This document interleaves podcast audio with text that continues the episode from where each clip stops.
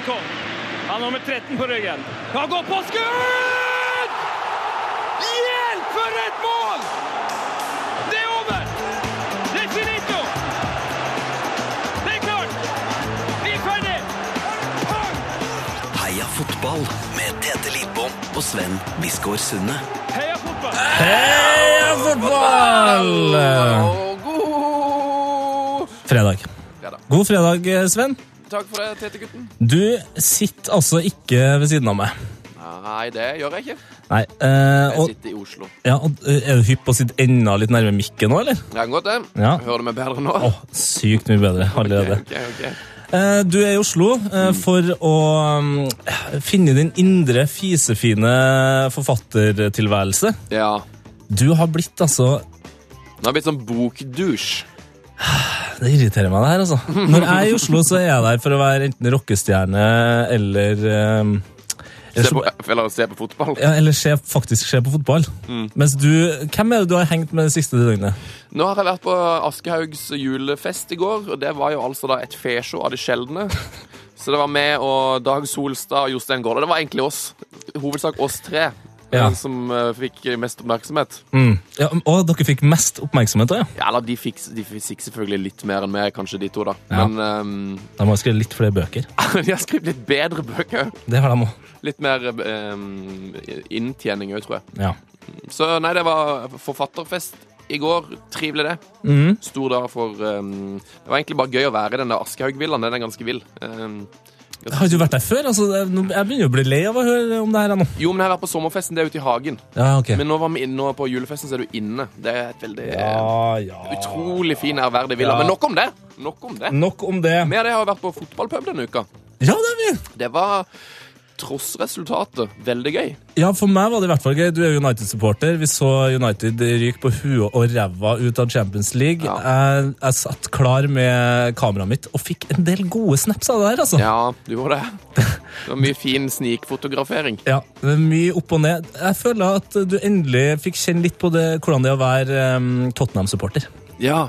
Det, var mye- det var mye mål, og det gikk til helvete til slutt. ja men det, det må jeg si, faktisk. Det gleder meg å se at United uh, angrep litt. Utrolig synd at de da tapte mer eh, og slapp inn mer enn de skårte, men eh, det var gøy å se litt angrepsfotball igjen. Ja. Har du da trua mot eh, Bournemouth eh, i helga, da? Nei, egentlig ikke. Nå ble jo Schweinsteiger suspendert, og hele, altså alle for- forsvarsspillerne er skada. De må spille med jeg, jeg vet ikke hva slags lag de skal stille med. Nei. De må Det- spille med Borthwick Jackson og eh, sånn folk som aldri har Den spilt før. og sånn der. gutten må lære seg offside-regelen før han eh, spiller igjen, tror jeg. Ja, Det er sikkert en fordel. Fin fotballspiller, sliter litt med offside-regelen. Hva sa du? Uff, faen, regelen. Er Uansett, det eneste jeg gleder meg til i helga, prøv å gjette hva det er. UFC 194. Ja. McGregor versus Aldo. Riktig. Dæven. Klokka fire på natta så skal du sitte i sofaen min eh, med mange andre og se det her spetakkelet. Det blir helt konge. Ja, det ble helt konge. Jeg fikk til og med være med i en eh, MMA-podkast Ja, jeg hørte det! og snakke om det Jeg lå og hørte på dette i natt. Ja. Det var strålende. Hørtes jeg pro ut? Ja, ja, ja, du hadde full kontroll. Ja, Det er godt å høre. Nå tror jeg egentlig det er på tide å få på Dagens vår- gjest! Dagens gjest, ja. Og vår faste tagline. Oh yes! Heia fotball! Heia fotball. Fotball! Yes, Ukas gjest han er fotballspiller, han er nybakt cupmester, seriemester, dødballspesialist, humorist og Pål André Helland-imitator. Velkommen, Pål André Helland. oh, takk, takk. Ja, altså, du er jo Vi var inne på det her nå med en gang. Altså, Du er en god fyr på imitasjoner.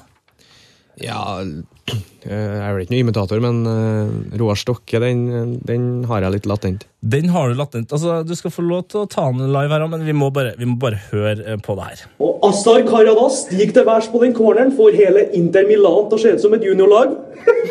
Det er tydelig at Manchester United savner en Paul Scholes. De har et ordtak i Manchester. Når Paul Scholes er hovmester, er glassene aldri tomme. Det skytes! Det skytes hardt, Vidar. Harald Brattbakk barberer stolpen. Altså Det er utrolig Det er prikkfritt! Ja, Det er prikkfritt. Hvor har du lært dette? Det er dessverre gjennom utallige timer med Fifa-spilling. eh, Og der du begynner å Hva skal jeg si? Du tar over showet sjøl etter hvert. Eh, Vi er faktisk en, en god del av mine kompiser som, eh, som har, eh, har Roar Stokke liggende. Ja, Så, så dere sitter og kommenterer Jeg gjør jo mye. Ja, dere sitter og kommenterer egne Fifa-kamper. Ja, altså gjerne, Hvis du scorer, så kommenterer du ditt eget mål for å gni det inn litt ekstra til motstanderen. han andre. Har du, har du noen andre Er det bare Roar Stokke, eller? eh? Tor Eggen sitter der. Ja, Det er primært eh, Roar Stokke, men litt sånn Tor Eggen. den der, eh, Han har jo noen klassikere. den der har hørt om å røyke gress, men å grave gress er noe helt annet. Ricardo Rocha. Rocha. Da var det hjert! Det, sånn, det, det sier han også. Jeg, jeg syns du er flink, jeg. Uh, Men altså, hvor, hvor glad er du i uh, å spille Fifa? Altså, det Vi har hatt en del fotballspillere her. Noen er ikke interessert i å så vidt eh, å se fotball i det hele tatt. Andre er oppslukt. Du virker som du er på den siste her.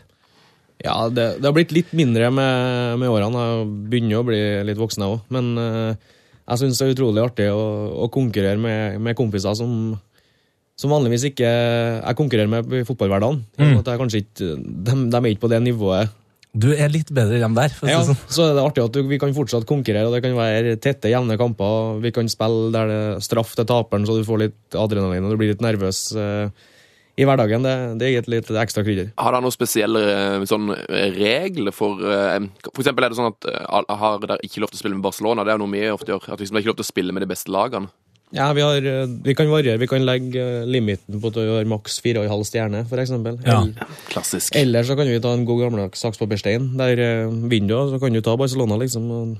tape, Er du sist av den gjengen, så kan du risikere å sitte igjen med en skikkelig underdog. Hvilke lag er det du liker å spille med, da? Ja, si det. Eh, alltid hatt litt eh, Real Madrid har vært bra de siste årene, for det, de har jo både no- noe så enkelt som fart og fysikk foran, så Ja, det gjør seg godt i Fifa. det gjør det. Men eh, hva, du nevnte noe straff her. Eh, Hva er en sånn typisk straff eh, på en Fifa-kveld med Pål André Land? Nei, Det kan være mye rart. Vi kan jo ha fysisk avstraffelse. Fysisk avstraffelse? det er ok. Ja, sånn god gammeldags eh, slag på ræva, rett og slett. Oi. Eh, det er Spa spanking. Ja, rett og slett eh, der eh, taperen får et slag av hver av de andre. Det, det er fryktelig. Vi har opplevd at rumpa har sprukket, liksom, så det, det er ikke bra. Ja, det er jo en er en sprekk der fra før av, så jeg tenker jo det Ja, må være nok, men eh, Få den på tvers der. Gå- Gått på en, gikk ikke på en maskerano, da? Altså, Ja, altså Ikke så alvorlig, men at det er noen blodkar som hadde begynt å blø litt bak her. Så det, det er bra, bra deng i daskinga. er det med flat hånd, eller er det over på håndkle, eller? Nei, det er, det er flathånd, ja, som regel. Ellers så har vi ja, er mye rart. Vi blir kjørt vekk uten mobil og pengebok med bind for øynene. Det er jo en Å, klassiker. helsike! Det er en klassiker. Det er en klassiker. ja. Nei, det er en klassiker. Har du blitt utsatt for dette sjøl? Nei, jeg har heldigvis eh, unngått å Jeg har til gode faktisk å tape eh, i turneringen. Det eneste jeg har tapt, har vært sånn simulering. Ok, Så jeg måtte skinne meg en gang eh, da jeg var 20 år. Ellers så tror jeg det er det eneste tapet mitt. Ja, jeg, har, jeg har hørt noen rykte om at Armin Asker er noe sånn norgesmester i Fifa. Og jeg, har, jeg tror kanskje jeg har hørt det om det òg. Stemmer det at du er så god? Jeg var i hvert fall eh, veldig god. Jeg kommer ikke på om det var Fifa 9 eller 10 eller 11, så var jeg Jeg tror jeg var rangert som nummer tre i verden. Å, helsike!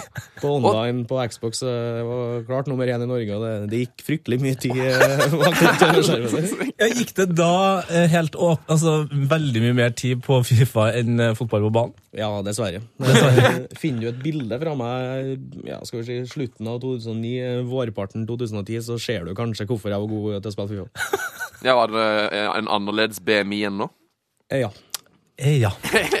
Eh, faktisk fått et, eh, Vi har fått utrolig mange lytterspørsmål i dag. ja det, her, det er rekord, det òg. Ja. nummer én i Norge på lytterspørsmål eh, er du akkurat nå. ja, Det skal jeg henge opp. Og der er det en som spør om din eh, Som spør om BMI-en din på, på den tida her. Eh, målte du den, altså fettprosenten? Jeg vet ikke hva BMI-en var, men eh, rekken sånn fettprosentmessig er 16,7. Eh, Og nå ligger, ligger vi under 10, så det, det er jo god halvering.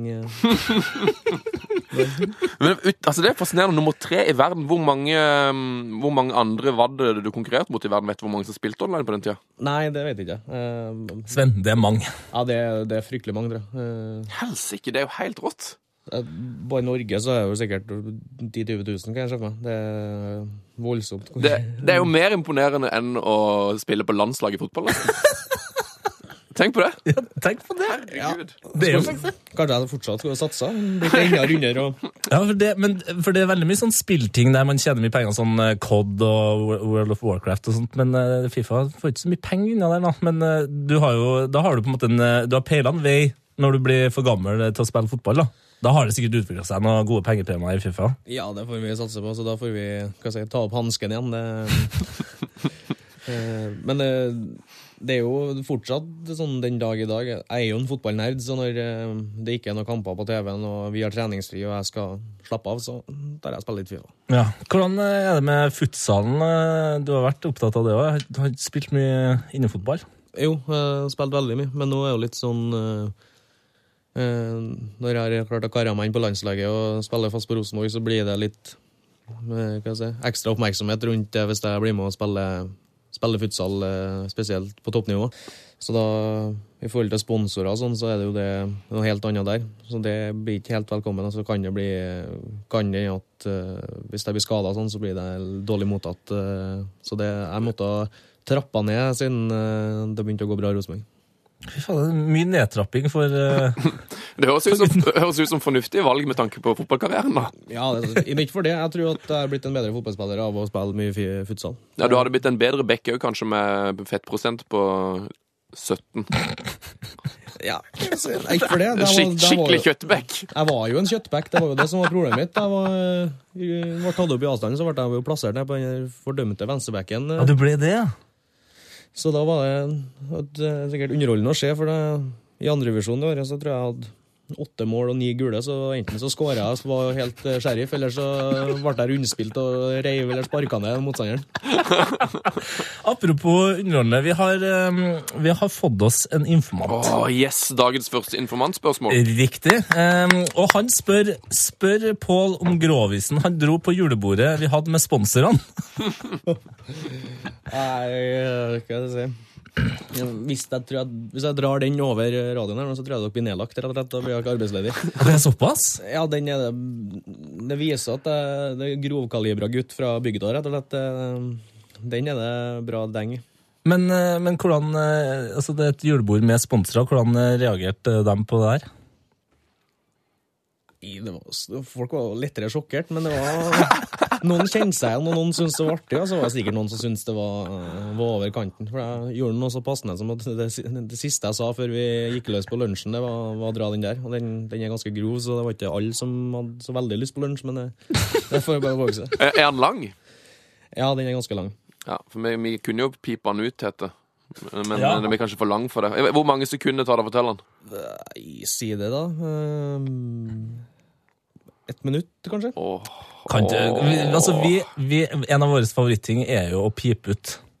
Så hvis du mener at det er en del ting her som faktisk ikke kan eh, gå ut på, på weben, så, så piper vi det ut, altså. Kan du fortelle det til oss? Vær snill, da. Ja, greit, jeg kan by på det. Det, det, er ikke jeg, det er ikke jeg som er arbeidsledig. Jeg får, jeg får jo heldigvis møte opp i januar på oppkjøring likevel. Altså. Det er jo konge! Uh, nei, det har seg sånn Det verste er at det er faktisk en eh, sann historie. Uh, det er jo en god start. Eh, hun hadde kjæreste. De var rundt sikkert en 17-18 år på det, på det stadiet i livet at uh, ting er veldig interessant, og de begynner å utforske ting, og hverandre, ikke minst.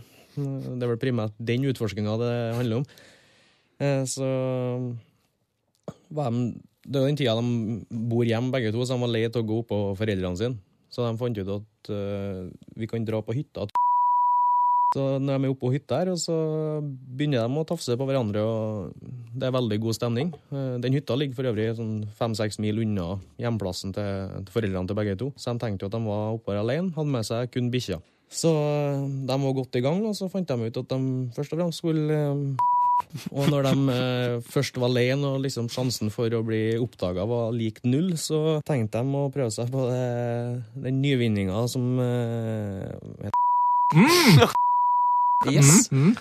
Og eh, de gikk jo strei jo til verket, og han fikk det jo til, han. Og hun gnei vel i tennene, liksom, regner jeg med. Og så fungerte det jo egentlig så bra som det sikkert kan fungere i en sånn setting. Før de plutselig hører eller de ser at det kommer to billys i oppkjørselen på hytta. I all panikk, så det sørger jo for at det blir en sånn kjedereaksjon der. Det, At det eh, men Jeg vet ikke hva jeg skal kalle det, men hvert fall endte i hvert fall opp til to oh! Eh, Ja, det er ikke ferdig ennå. For Å, de, de klarer å eh, De klarer å få dratt på seg klærne før eh, han kommer inn, og det er jo faren til Ja. Og de har kledd på seg, men han legger fort merke til at det Og da spør jo han liksom hva i alle dager er det som eh, har foregått. Og liksom, i panikk, da, grepet av panikken, så føler de at de kommer opp med en veldig fornuftig og smart bortforklaring. De skylder jo selvfølgelig på bikkja. Ja, ja, ja, ja, ja.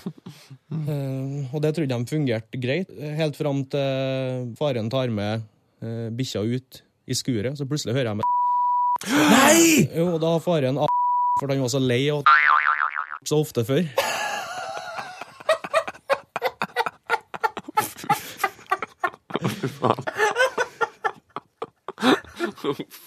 Du er ferdig nå?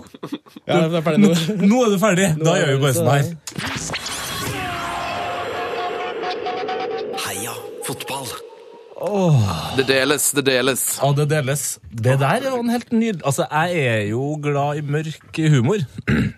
Og der traff du på egentlig alle, alle punktene, føler jeg. Ja, nei, det var eh, Jeg, jeg, jeg prøver liksom Jeg syns det er artig den dagen. Jeg prøver å se for meg blikket i det de eh, ser på hverandre, og de skjønner hva som har skjedd. Så, ja. Jeg prøver å se for meg blikket til Sparebanken 1-ansatte, Rema Ja, der 1000-ansatte ja, og og det. folk som skal spise lunsj. ja, jeg spurte jo han eh, en markedssjefen, så sa jeg, da jeg fikk beskjed om at jeg skulle holde en, skal være konferansier, så spurte jeg om eh, hvordan er de på eh, på eh, hvordan er de som På gjeng? gråvisa. Ja, Tåler de liksom en, en grov historie? For jeg vet jo at det bruker å være ganske bra fart på uh, partnertreffene og kveldene der. Ja. Ja, nei, det var ikke noe problem, bare dra til.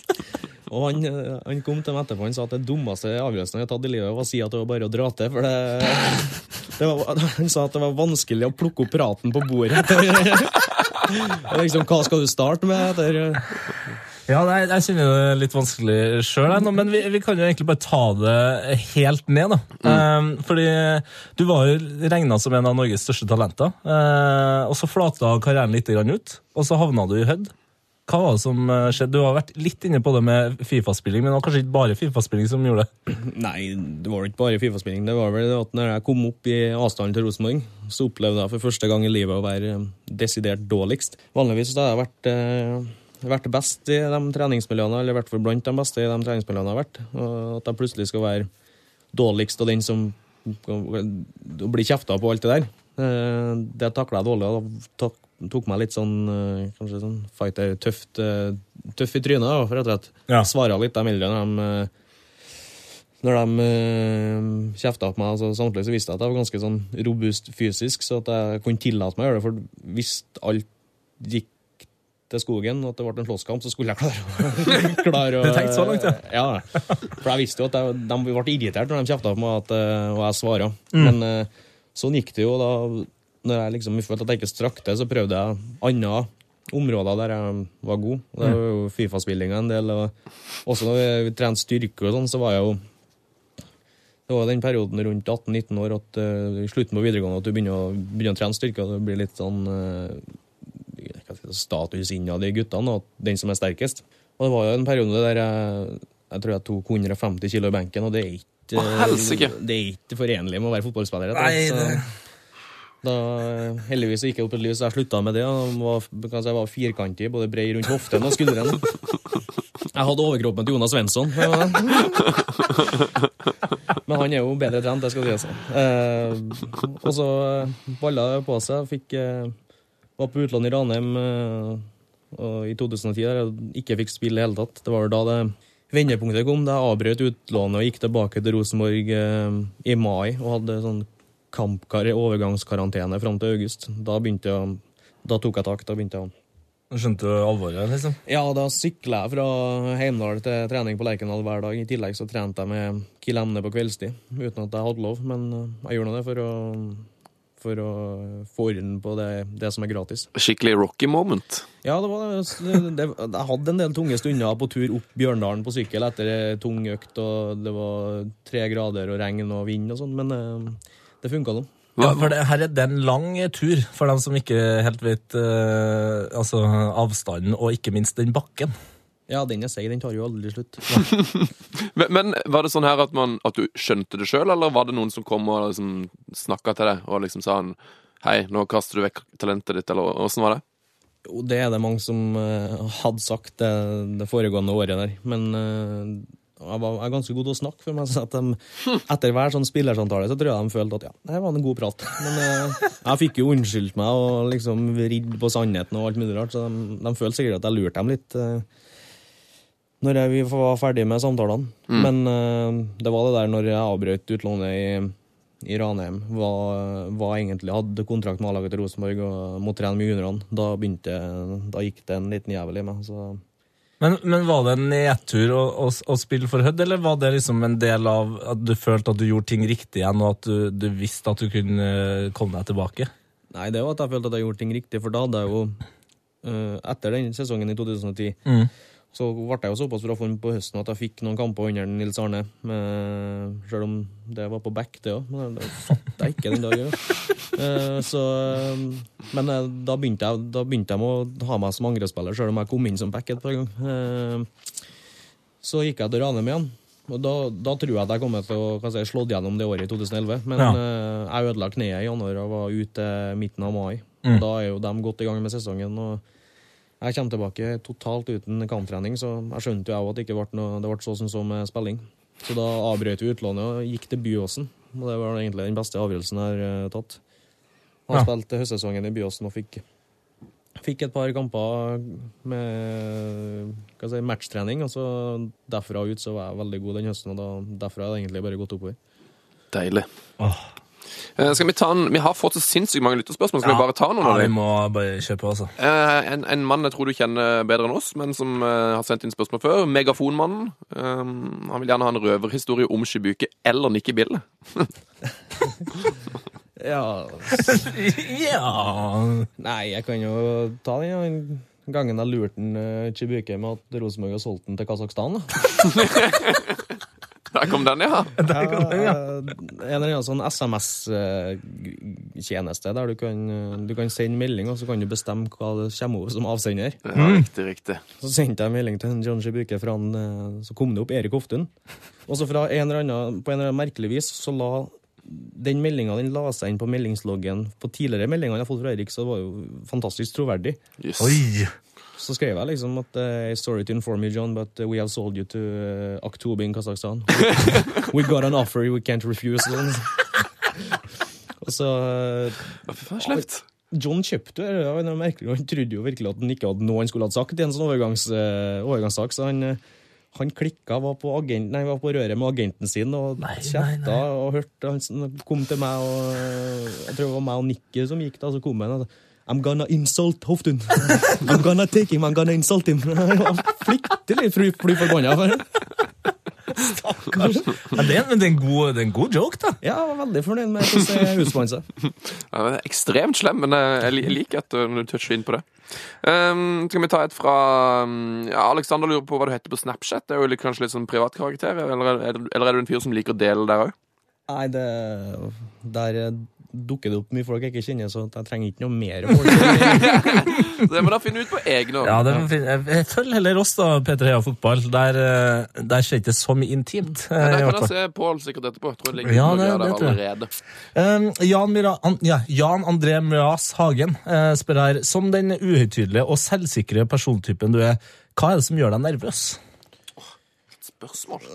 Nei, hvis jeg skal jeg si situasjoner der jeg føler at jeg ikke ikke strekker til. Hvis det Hvis jeg måtte si, holdt et foredrag øh, foran en stor bedrift om øh, ja, et eller annet hvordan de skal gjøre det bedre som bedrift rent faglig, så tror jeg at det blir tynt. Eller hvis jeg i sånn veldig ekstremt seriøse settinger, hvis jeg skulle ha vært prest i en begravelse eller noe sånt, da, Da hadde ja, da tror jeg at jeg har svetta litt i hendene. Altså det, men, men det eh, bunner liksom i at du, du har lyst til å være best i Ja, alt. ja, det gjør det. Jeg, jeg syns ikke noe spesielt uh, stas å ikke strekke slett, det, det er det verste jeg vet. I hvert fall hvis, uh, Vi tar sånn som i går, da, når jeg føler at det er min feil at de taper kampen Mm. mot Nipro. Der hadde jeg skåra på straffesparket, så tror jeg jeg er ganske sikker på at du har vunnet kampen. Og da, da er det svart oppi hodet mitt. Altså. Det er, jeg er et par timer der jeg er på en fryktelig mørk plass. Heldigvis så hadde ikke noe, sånn, det hadde ikke noe å si, for at eh, vi hadde ikke gått videre likevel. Men eh, altså, hadde det vært avgjørende, så da er jeg fort kunne ha blitt igjen i Dnepropetrovsk. Men er, det, men er du nervøs eh, Var du nervøs før straffen i går, da? Nei, ikke. Nei. Hva tenker du på før før du tar en straffe? Nei, jeg, jeg tenker på hvor jeg skal sette den. Ja. Så sånn som i går, så skulle jeg dra til det jeg hadde eh, til høyre. Eh, traff godt. Jeg var egentlig fryktelig sikker på at den der gikk inn. Eh, men keeperen gjør en god redning, og samtidig så er det, det er keeperhøyde, så enten så bør jeg skyte litt lavere eller litt høyere. Det, det vet jeg, men jeg ble overraska. Den lå som en uh, spirrevipp borti hjørnet her. Det, det må jeg innrømme. Jeg slo meg akkurat nå at du, har jo, du var jo et annet land i går. Eller kanskje til og med i dag? Ja, vi Hva skal jeg si? Vi landa vel på Værnes i eh, halv seks, ja. I, I natt. I morges. Dæven. Så det er ikke så mye nattesøvn på det, kanskje? Nei, jeg kom hjem eh, kvart over seks, da. Så jeg har sovet fra kvart over seks til kvart over tolv. Så jeg fikk jo seks timer. Og du har jo ferie. Jeg har ferie nå, så da, kan jeg snu, snu om helt på døgnet, kan ikke jeg. Men eh, det her var jo i jobbsammenheng, da. Ja, det var det jo. Men, men eh, jeg tåler å stå opp litt senere nå enn hva jeg gjør til vanlig. Um, Mikael Karlsen spør her nå uh, hvorfor kalles du Smelly? Ja, det, det er jo han, han som gjør det. Altså. Det er han som kaller deg Smelly, ja. Fryktelig illojalt han å spørre. Det er jo han som har gitt meg navnet. Det var på grunn av at uh, Jeg kan si at det var en på videregående som eh, si, Han dusja ikke etter gymmen, da. Så han hadde eh, et etternavn som rima på etternavnet mitt. Og da ble det liksom eh, Smelland. Og så da syntes han det var artig at eh, det navnet kunne jo jeg ta i bruk. Og så gikk det over til, til Smelly. Så jeg var en sånn uskyldig offer i en kjedereaksjon der. Du kan jo kontre med å gi han stakkars kompisen din et kallenavn her, da. Til Ja, det er jo våre hundretusenvis av lyttere. Det, det er jo vår gode venn Paninka Karlsen fra Hødd, dere. Altså. Så han har nok fått det kallenavnet sitt. Panenka Karlsen. Ja, der fikk du den, Karlsen. Right back. Den, har du snakka med om den panenkaen? Ja, jeg visste at han kom til å gjøre det. Jeg snakka med han på Facebook um, uh, før, uh, før kampen. På morgenen, og han så han har ofte hatt suksess med å skyte straffer midt i mål før. Så, tenkte, han- så sa han til meg at hvis det er sånn at jeg skal ta den avgjørende straffen der jeg kan sende oss videre, så, så skal, jeg, skal jeg kippe. For at uh, da slenger jo keeperen seg hele tida. Og altså, Kippen i seg sjøl var jo sånn egentlig perfekt. Den la jo seg en liten halvmeter under tverrliggeren. og Ja, den var høy, veldig høy og fin. ja, men problemet er jo det der ståheieren kjører jo på tur opp til, til ballen der når han skal ha med seg tribunen på trampeklapp og han legger til rette ballen med, med beina i stedet for å legge den til med hendene. Og så hadde han et tilløp som bare ei mor kan elske, liksom. Det var, så han, han sa det sjøl, at det, det, han angrer mest på det showet rundt. For at eh, så chipen sånn, var jo egentlig Den var jo bra.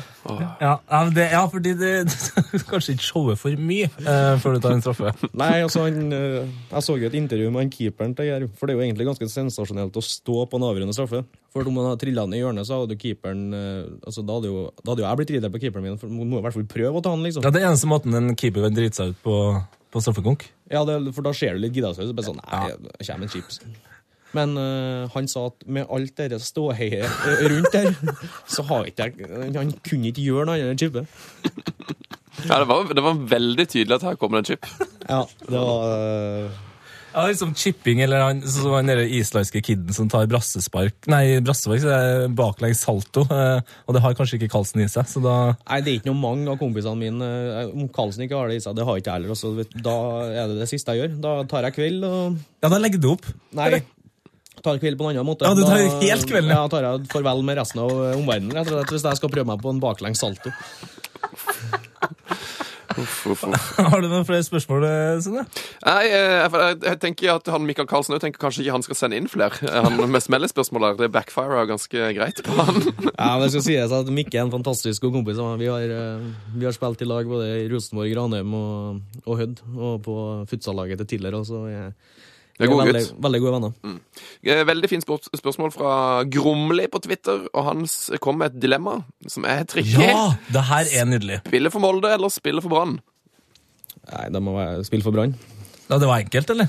Ja, det har jo eh, fungert bra under treneren Lars Arne Nilsen før, og Brann er jo en storklubb, så det, Ja, det kanskje hadde, det hadde vært, eh, vært artig. Ja, det er din Altså, gamle Hødd-trener, ja. Du skulle sett gliset til, Pål her nå, altså, Sven, og du som hører på. Han er fornøyd nå. Kom seg fint unna den der. Ja, men jeg skjønner jo veldig, det, det tenkte jeg ikke på før jeg stilte spørsmålet, at du har jo en veldig god historikk med, med en Hødd-trener der, ja. Eh, Martin Alstad spør hvem er lengst i dusjen i Rosenborg. Oh. Nå er Er det mange å velge mellom? Nei, vi har jo eh, vi, det- har, vi har jo en eh, stødig svenske som har fått seg en sang. Så, så der må jeg svare eh, unge, lovende Dorsin. Har han en sang om han står i dusjen? Ja. At han eh, har et politiredskap og uh, et måte på. Så jeg trenger ikke å gå noe nærmere inn på det. Men... Nei, nå er vi mer langt nok. Oi, ok. Vi, vi kan ta et eh, til fra Megafonmannen her. Eh, Hvilken spiller betalte mest til botkassa i år? Og botkassa er jo du kan, kan du forklare konseptet botkasse? Først. Bot, botkassa er vel sånn eh, indre justis i laget. Der vi har en uh, som er en bøtesjef, rett og slett, som, uh, som krever inn penger, og som også er veldig en ærlig type. da, som uh, Han straffer seg sjøl hvis han er for sein nå. Så det, hvis du kommer for seint, har på deg feil antrekk, eh, glemmer ting Egentlig alt mulig rart. altså det å Ikke bruke dobørsta etter å ha vært på do, liksom. Ja, Mik. Mikkelsen-prisen. Mikkelsen-prisen. Ja, det har vi Riktig. fått med oss. Så uh, samler vi inn penger, og da får du hver måned så får du en liste der hvor mye, hvor mye du skylder botkassa. Da betaler du den det, og så når sesongen er over, så, så drar vi på en tur. Har den turen vært den, eller? Ja, den har vært. Hvor er det var da? Da var vi i Tallinn, faktisk. I Tallinn, ja. Går rykt fra vår informant om at du kanskje var noen slags uh, arrangør av denne turen? Nei, jeg var det i fjor, jeg. ah! Jeg var i, uh, i Amsterdam. Mm. Har vel vært heldigere med valg av hotell.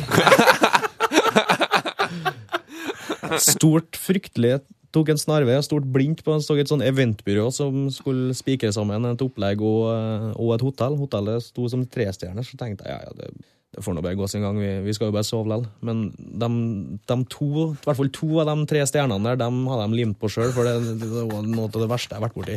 Jeg fikk så kritikk av resten av laget at det, der vi bytta hotell etter én natt.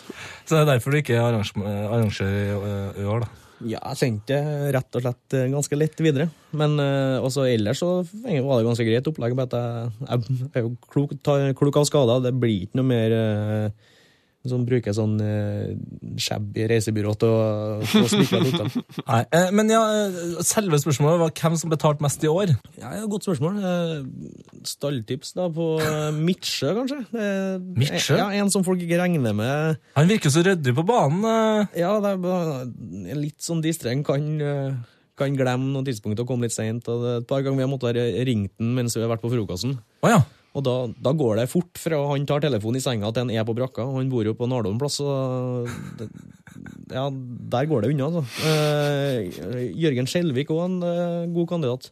Litt sånn eh, distré. Kan plutselig dukke opp med sånn Kommer du med en Rema-pose, så er det jo bot, for vi er jo, vi har jo Coop som sponsor. Ja. Hvis du har Nike-sokker Nike-sokker eller Puma-sokker eller noe som konkurrerer der, så da blir det fort dyrt. Og sånne ting kan Jørgen eh, bidra med. ja, det er fint. Har du flere spørsmål, eh, Sunne? Kan vi ta et siste informantspørsmål? Ja. Eh, informanten vår sier at vi må spørre deg om hvilken pris du fikk da det medisinske teamet hadde sin årlige utdeling i år. Ja, jeg fikk vel egentlig to priser. Du fikk to priser, ja. Ja. Eh, kan vi si at Den ene prisen er Årets atlet. Oh. Den fikk jeg ikke. den fikk du ikke, nei. Var det Jonas Svensson, eller? Det var Jonas Svensson. Ja. Den var, var vel klar i år. Han har stått over én kamp, han. Var vel mot, uh, mot Godset borte. Ellers så har eh, Han har spilt 50 av 51 kamper, tror jeg vi regna fram til her for noen episoder siden. Ja. det, det stemmer. Det er sjukt. Ja, det er fantastisk imponerende. Og han, eh, han hviler seg ikke gjennom kampene, eller unge Jonas. Så, eh, nei, han er bra, tøff og godt trent fotballspiller. Ja. Men tilbake til spørsmålet, så var det to andre priser. Den første var årets benk. Det er jo den som har eh, flest tid på lengst, mest tid på behandlingsbenken. Den fikk jeg. Eh, Det er jo en kjensgjerning at jeg hadde mine skavanker i løpet av året. Sånne Ja. småting i hvert fall som vi- ofte har jeg klart å stable meg på beina til kamp. Så det, det er ikke så fryktelig mange kamper jeg har stått over. Nå sto jeg over to, eh, to landslagssamlinger, dessverre. Men sånn i tippeliga og i Europa og i cupen, så da har jeg spilt eh, si, mer enn hva folk tror. da. I tippeligaen så er det to kamper. Én når jeg var suspendert, og en eh, mot Ålesund der jeg ble hvilt inn mot playoffen for landslaget. Så bortsett fra dem, så tror jeg det er bare tre-fire kamper i tippeligaen jeg ikke har, ikke har vært med i. Eh, Men eh, det er jo på grunn av at jeg sikkert har ligget på benken der. Ja. Og fått hjelp. Jeg har fått hjelp. Eh, Den var jeg forberedt på å få, for den, den, eh, den tok jeg rett og slett eh, Nei, men Følte du deg ganske sikker på at den her Ja, den- den her har jeg i år? Den hadde, jeg- den hadde jeg inkassert. Eh, Så har de en annen pris, eh, som er Årets sild. Årets sild. Ja, det, den, det er det laveste du kan få. Altså det, det er ikke noe heders, eh, hedersanmerkning. Det er fryktelig Ja. Som regel, det har gått til dem eh, si, ofte med lav smerteterskel, eh, folk som eh, ja, sånn, sånn som Mix fikk han et år, mot uh, Vålerenga i cupen, så han fikk jo så hatten passa av en uh, Tom Nordli. For han eh, han hadde fått seg et spark på leggen, og så gikk han av eh, to minutter for slutt for å få behandling. Og Da må, satte de i gang spillet, og da skåra jeg mens de var en mann. Stemmer det. Og det var eh, en fillesak, og samme i fjor mot Karabukspor, så hjemme. Så da ble Mix takla, så sa han nei, han måtte teipes. Uten at han hadde prøvd å stå på beinet, så, så han fikk årets sild for, for lav smerteterskel. Og da så hører vi at Karabukspor skåra da han var ute og ble, ble teipa, og da røyk ut av Europa der også. Litt for lite fokus på det, kjenner jeg nå. Så øh, han får fått den, og i tillegg så hadde han en, så, en fin historie om en fantastisk fyr. Uh, han kom på øh, til Fyson, eh, til legen faktisk, på laget, og så vet du når du har revet av en negl, eller sånn bitt av, eller så har du, kan du ha en sånn flis på, og det er jo litt, det svir jo litt og litt vondt, men han kom liksom til fysioen og sa, se her, hva, hva skal jeg gjøre med det her? Fysioen var veldig oppgitt, men han prøvde å lure den, og sa at det her, jeg tror nesten ikke du kan trene, det her, du må stå over det. over i dag. Miks Mix var enig, ja. Eh, Men han, jo- måtte jo på trening, selvfølgelig. Men, men Han var enig, da. Det. men årets sild har jo det sånn ofte på folk som har visst litt lav smerteterskel. da. Så den var jeg egentlig ikke forberedt på å få, for jeg har jo spilt en del kamper med smerter og følt liksom at Det har vært en tøffing der, ja. Ja, men så har jeg skutt meg sjøl i leggen da, med at jeg har eh, eh, jeg hadde en uheldig uttalelse til, til media om Fyson. Eh, det var vel egentlig mer at jeg skulle sette på plass eh, en, eh, en journalisten fra Adressa. Jeg følte jeg hadde trent for fullt på, for tredje gangen på rad. Og så var det, det der var en onsdag. Og så spør han meg liksom eh, hvordan, eh, Ja, er du klar til helga? Så sier jeg ja, eh, jeg har jo trent for fullt i tre dager. Det jeg er helt fin. Altså, det er jo ikke noe spørsmål. Jeg er 100% klar. liksom. Ja, men du er, du er sikker på at du at du er kampklar? Og så sier jeg ja, jeg har jo trent for fullt i tre dager nå, så hvis det blir verre inn mot helga, så må vi sparke fysene for det hører de noe galt. For det, det, poenget var jo at han Ja, det var et dumt spørsmål, men eh, det ble jo framstilt i media som at eh, at jeg virkelig hadde planer om å eh, få avskjed. Og det, det straffa seg, for den der silda, den fikk jeg. Ting, ting gjør seg bedre muntlig enn på trykk noen ganger. Ja. Ja, ja, ja. Det, så jeg har jo prøvd da, og streva godt med å kanskje skryte dem litt, i håp om å få utjevna den, men det holdt ikke. Så den silda fikk jeg. I, eh, det skal sies da, i konkurranse med Emil Nilsen, som nå er i AGF. ja, han har vært litt skada, eller? Ja, på alle mulige måter. Eh, også, eh, På alle mulige måter. Ja, men han hadde så mye sånn små, småskavanker, liksom. Og så Ole Selnes. Han eh, på Gran Canaria, så var han litt sliten, litt stiv. Så da ofte vi får beskjed om at da tar du økta her, så tar du rolig, og så går du i basseng og svømmer, eller jogger litt i basseng for å bare holde kroppen i gang. Og da, det, det er veldig lav intensitet, og det, det er en skaderisiko på null. Mm. Men Ole Selnes klarte å jogge på seg strekk i basseng. I leggen. Så jeg, jeg var jo egentlig ganske sikker på at Ole skulle få den prisen, men uh, den gang ei. Det Ja, for, og det var vel Emil som, var Emil som måtte gå av banen fordi at han måtte do, eller? Ja, riktig. Åh, Ja. Så det har vært mye sånne, sånne ting.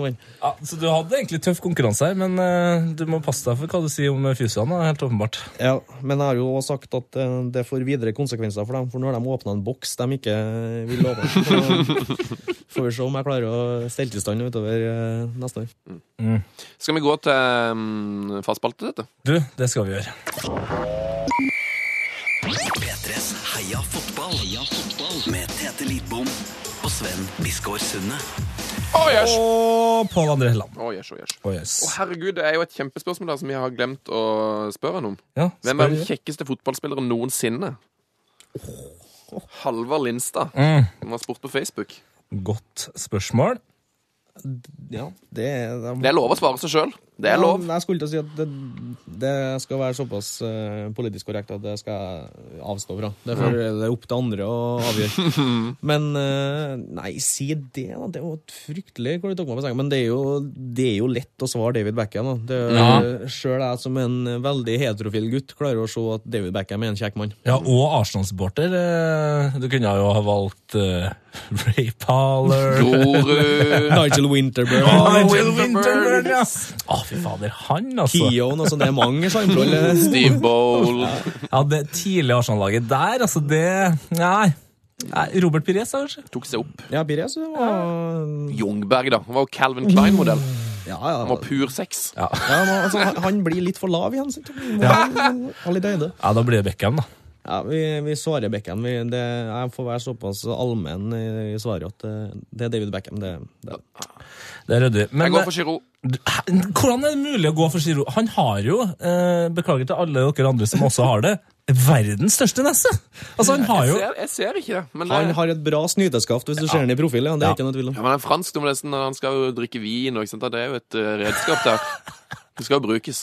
Ja, men, men altså, uansett hvor kjekk eh, en fotballspiller er, så skal ikke jeg sitte eh, og, og drikke vin med eh, og diskutere hvor godt det lukter. Nei, men jeg har litt stor nese sjøl, så det er kanskje det er sympati. Kanskje det er lik, jeg liker Ja. det. Jeg støtter han. Ja, ja, Dere med grevene. Ja, altså, det, for all del. Folk med, folk med stor nese er finere folk, men eh, det er jo noe å legge merke til. Ja, det er, det er godt. Det er godt. Eh, Men nå skal vi ta, altså, til ukas drømmelag. drømmelag. Eh, og da håper jeg jo selvfølgelig at eh, Pål eh, er skikkelig forberedt her og har tatt med seg et eh, drømmelag. Det har jeg. Eh, jeg var litt usikker på hvordan hvordan drømmelag eh, hva jeg skal velge. eh, Mm. Hva som skal være tema i det. Eh, det er jo enkelt å ta eh, spillere du har eh, spilt med, sånn. det har jeg gjort før. Mm. Så det endte jo på noe så utradisjonelt som en elver med spillere som jeg har hva skal jeg nesten kunne ha sett kamper kun for å se dem. Ah, Som har vært litt sånn eh, Ja, hva skal jeg si? da? Eh, de har på en måte kunne ha vært grunnen til at jeg har sett kamper. altså det, det er liksom hel- Ja, helter, rett og slett? Ja, rett og slett sånn eh, eh, Ta for eksempel en på laget har Gerrard. Altså, jeg, er jo, Ok. jeg, jeg er jo Arsenal-supporter, Mm. men eh, jeg har alltid vært fascinert av Gerrard, så jeg kunne ofte se og liksom studere Liverpool-kamper kun for å se Gerrard, for at jeg syns han var en fantastisk fotballspiller. Ja. Uh, og det er eh, en elver da, satt sammen om det. Det er også noen Arsenal-spillere. Altså Jeg har jo sett hele laget, men jeg var litt fascinert av uh, de guttene her. Så deilig. Skal vi starte i mål, da? Start i mål. Uh, Da er det godeste Gianluigi Buffon. Apropos Jack. Ja, og karisma og alt der. Det, han er en eh, god keeper, og han eh, var en liten eh, favoritt i oppveksten. Når vi spilte på Løkka, så var det, hvis jeg var i mål, så var jeg Buffon. Ja. Åh, ja, for en eh, Altså, han har vært eh, en av verdens beste keepere i 63 år, eller? I alt det. Mm. Det er ikke så, ikke så mange som slår han. Han ble jo han ble kjøpt for 380 millioner inn på, var på 90-tallet, ikke Mm. Det, eller på i hvert fall Jeg tror han var tenåring, iallfall. Ja. Ja. så det var veldig tidlig. Så det, og det er jo en ganske stiv pris for en keeper. Ja, og nå tror jeg kanskje de nye unge kanskje har fått en ny Gianluigi. Altså godeste Donnarumma fikk jo endelig møte uh, sin helt, og han eh, var jo også Han var jo ikke født uh, når Buffon hadde satt i gang det hele. Nei, altså, han var jo ikke i nærheten av å være født, han var jo ikke påtenkt. Altså, han var nesten ikke kjønnsmoden faren engang, så Så, så stor forskjell er det på dem. Eller? Ja, eh, Forsvaret. Eh, høyreback, eh, Maikon. Eh, Brasilske, brasilianske høyrebacken eh, eh, som også spilte eh, sine beste år, kanskje, da, i eh, Inter. Toget. Ja, han var et høyreist kraftpakke med, som plutselig kunne skåre noe helt vanvittige mål. Det var Han skårer jo et helt greit mål på den introen vi har uh, her, uh, som Per Jarle Heggelund kommenterer. det er det mot eh, Juventus. Jepp. Sinnssyke langskuddet. Ja, det, det er voksent. Han hadde, han, hadde, han hadde sånne mål i kroppen, og det, var- det var det artig. Og det, var, det var spennende når det var spent når du satte deg ned for å se, se kamp med han. Jeg husker jeg ble så skuffa over at Eller ikke over at han gikk til City, men over at han ikke slo til der. For han liksom sånn Yes, nå skal han spille Premier League, og så fikk han bare Fikk han ikke spille engang, nesten. Det var Ja, nei, skuffende. Ja, men han var vel på, si, han var vel på tur ned sånn rent fysisk, og det går vel litt fortere i Premier League enn i italiensk fotball, så Det er Godt mulig. Han gjorde det jo ganske OK i Roma, iallfall, når Ja. han kom tilbake der. ja, han gjør det vel for så vidt kurant ennå.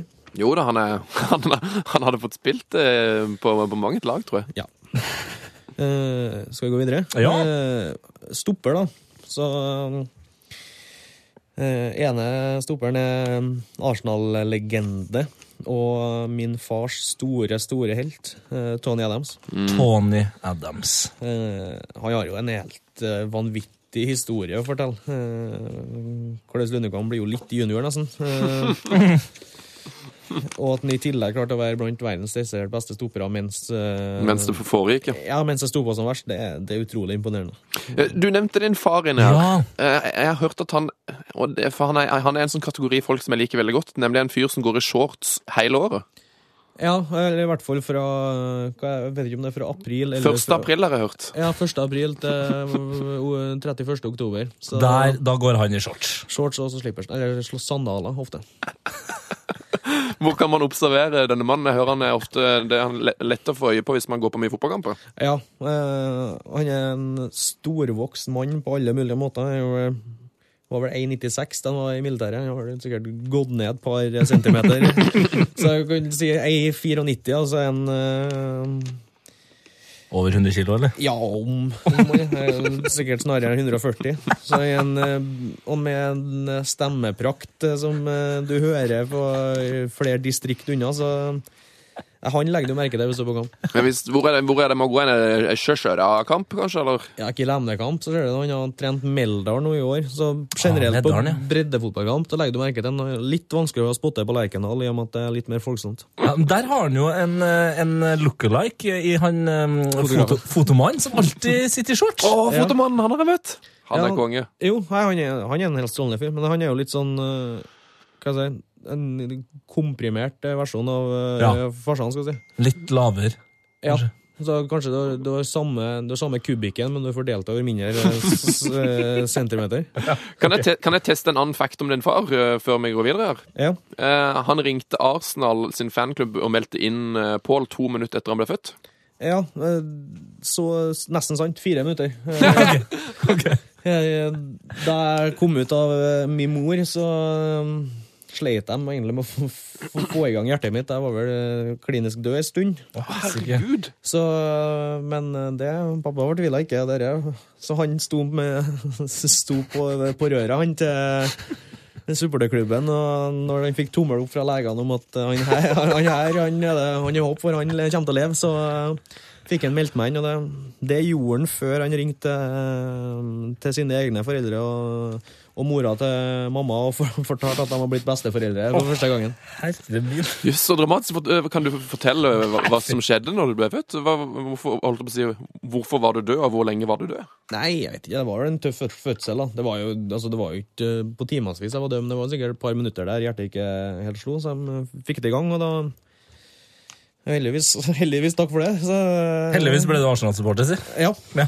ja. Men det er også Det er rart å tenke på at det, det kan være så tilfeldig, men i dag så klarer ikke jeg å se for meg sjøl at jeg holder med et annet lag i, i England. Nei. Eh, selv om det, det, enkelte vil jo hevde at jeg fikk påtvunget den, så- den eh, hva si, lidenskapen for Arsenal, men eh, Å jeg heier på Tottenham, så det, du har, du har hatt det bedre enn meg, altså, tror jeg. Ja, jeg skal ikke klage. Jeg har vært veldig fornøyd med tingenes tilstand. Selv om det skal sies at det har vært mye frustrasjon de siste åtte-ni årene. Det er sant. Men ja, skal vi gå videre i forsvaret her? Ved siden av Adams har vi Eh, apropos kjekke fotballspillere, Paolo Moldini. Åh! Åh! Ja, det, det er jo min favoritt eh, kjekke fotballspiller, og kanskje også bare favoritt eh, fotballfyr. Ja, nei, Han var fantastisk. eh, Både offensivt og, og defensivt. Det var et sånn skolebokeksempel på egentlig hvordan du skal være forsvarsspiller. Han må kanskje dele kapteinspinnet med Adams òg, eller? Nei, det kapteinspinnet, det får, eh, det får Adams. Han er Mr. Captain, som han sier. Altså. Apropos pappa og Tony Adams, han har vel Pappa har vel sikkert kjøpt seg ja, skal vi si 20 Arsenal-drakter? Alle har seks Adams. Den dag, i, den dag i dag så kjøper han med seks Tony Adams. Deilig. Ja, det er fint. Jeg er ikke skuffa over at ikke du spiller med nummer seks på drakta, da. Nei, eh, han er vel såpass oppegående at det er vel forbeholdt eh, dem med litt eh, mer defensive fibre enn meg. Mm. Så eh, Rødde. Ja, så da han var trener til meg, så spilte jeg stort sett med nummer sju. Mm. Uh, Er det det som er drømmenummeret? Ja, det er alltid det jeg likte da. Likt best. Men nå har jo Mike Jensen tatovert et sjuetall på låret, så det skal vel godt gjøres å få fra han den drakta. Han har det! Ja, så, men jeg er godt fornøyd med, jeg er godt fornøyd med 23. Ja. Det er et kult nummer. Er det, Beck, er det Beckham eller Michael Jordan eller er noe annet som er inspirasjonen? Nei, det blir fort kombinasjon av dem to. nå. Ja. Det, det er to helt OK sportspersonligheter. Det, så Og på venstrebekken har vi Pål André Helland, eller? Nei, ikke en fyldig Helland her. altså. Det, der har vi rett og slett uh, venstrebekken som var et allemannseie i mange år. eh, Roberto Carlos. Uh, Snakka om at han på motsatt back var i stand til å skåre en del spektakulære mål, så eh, har du det fra, fra Brasil her. Um, nei, han var, han, han, var var severdig, han.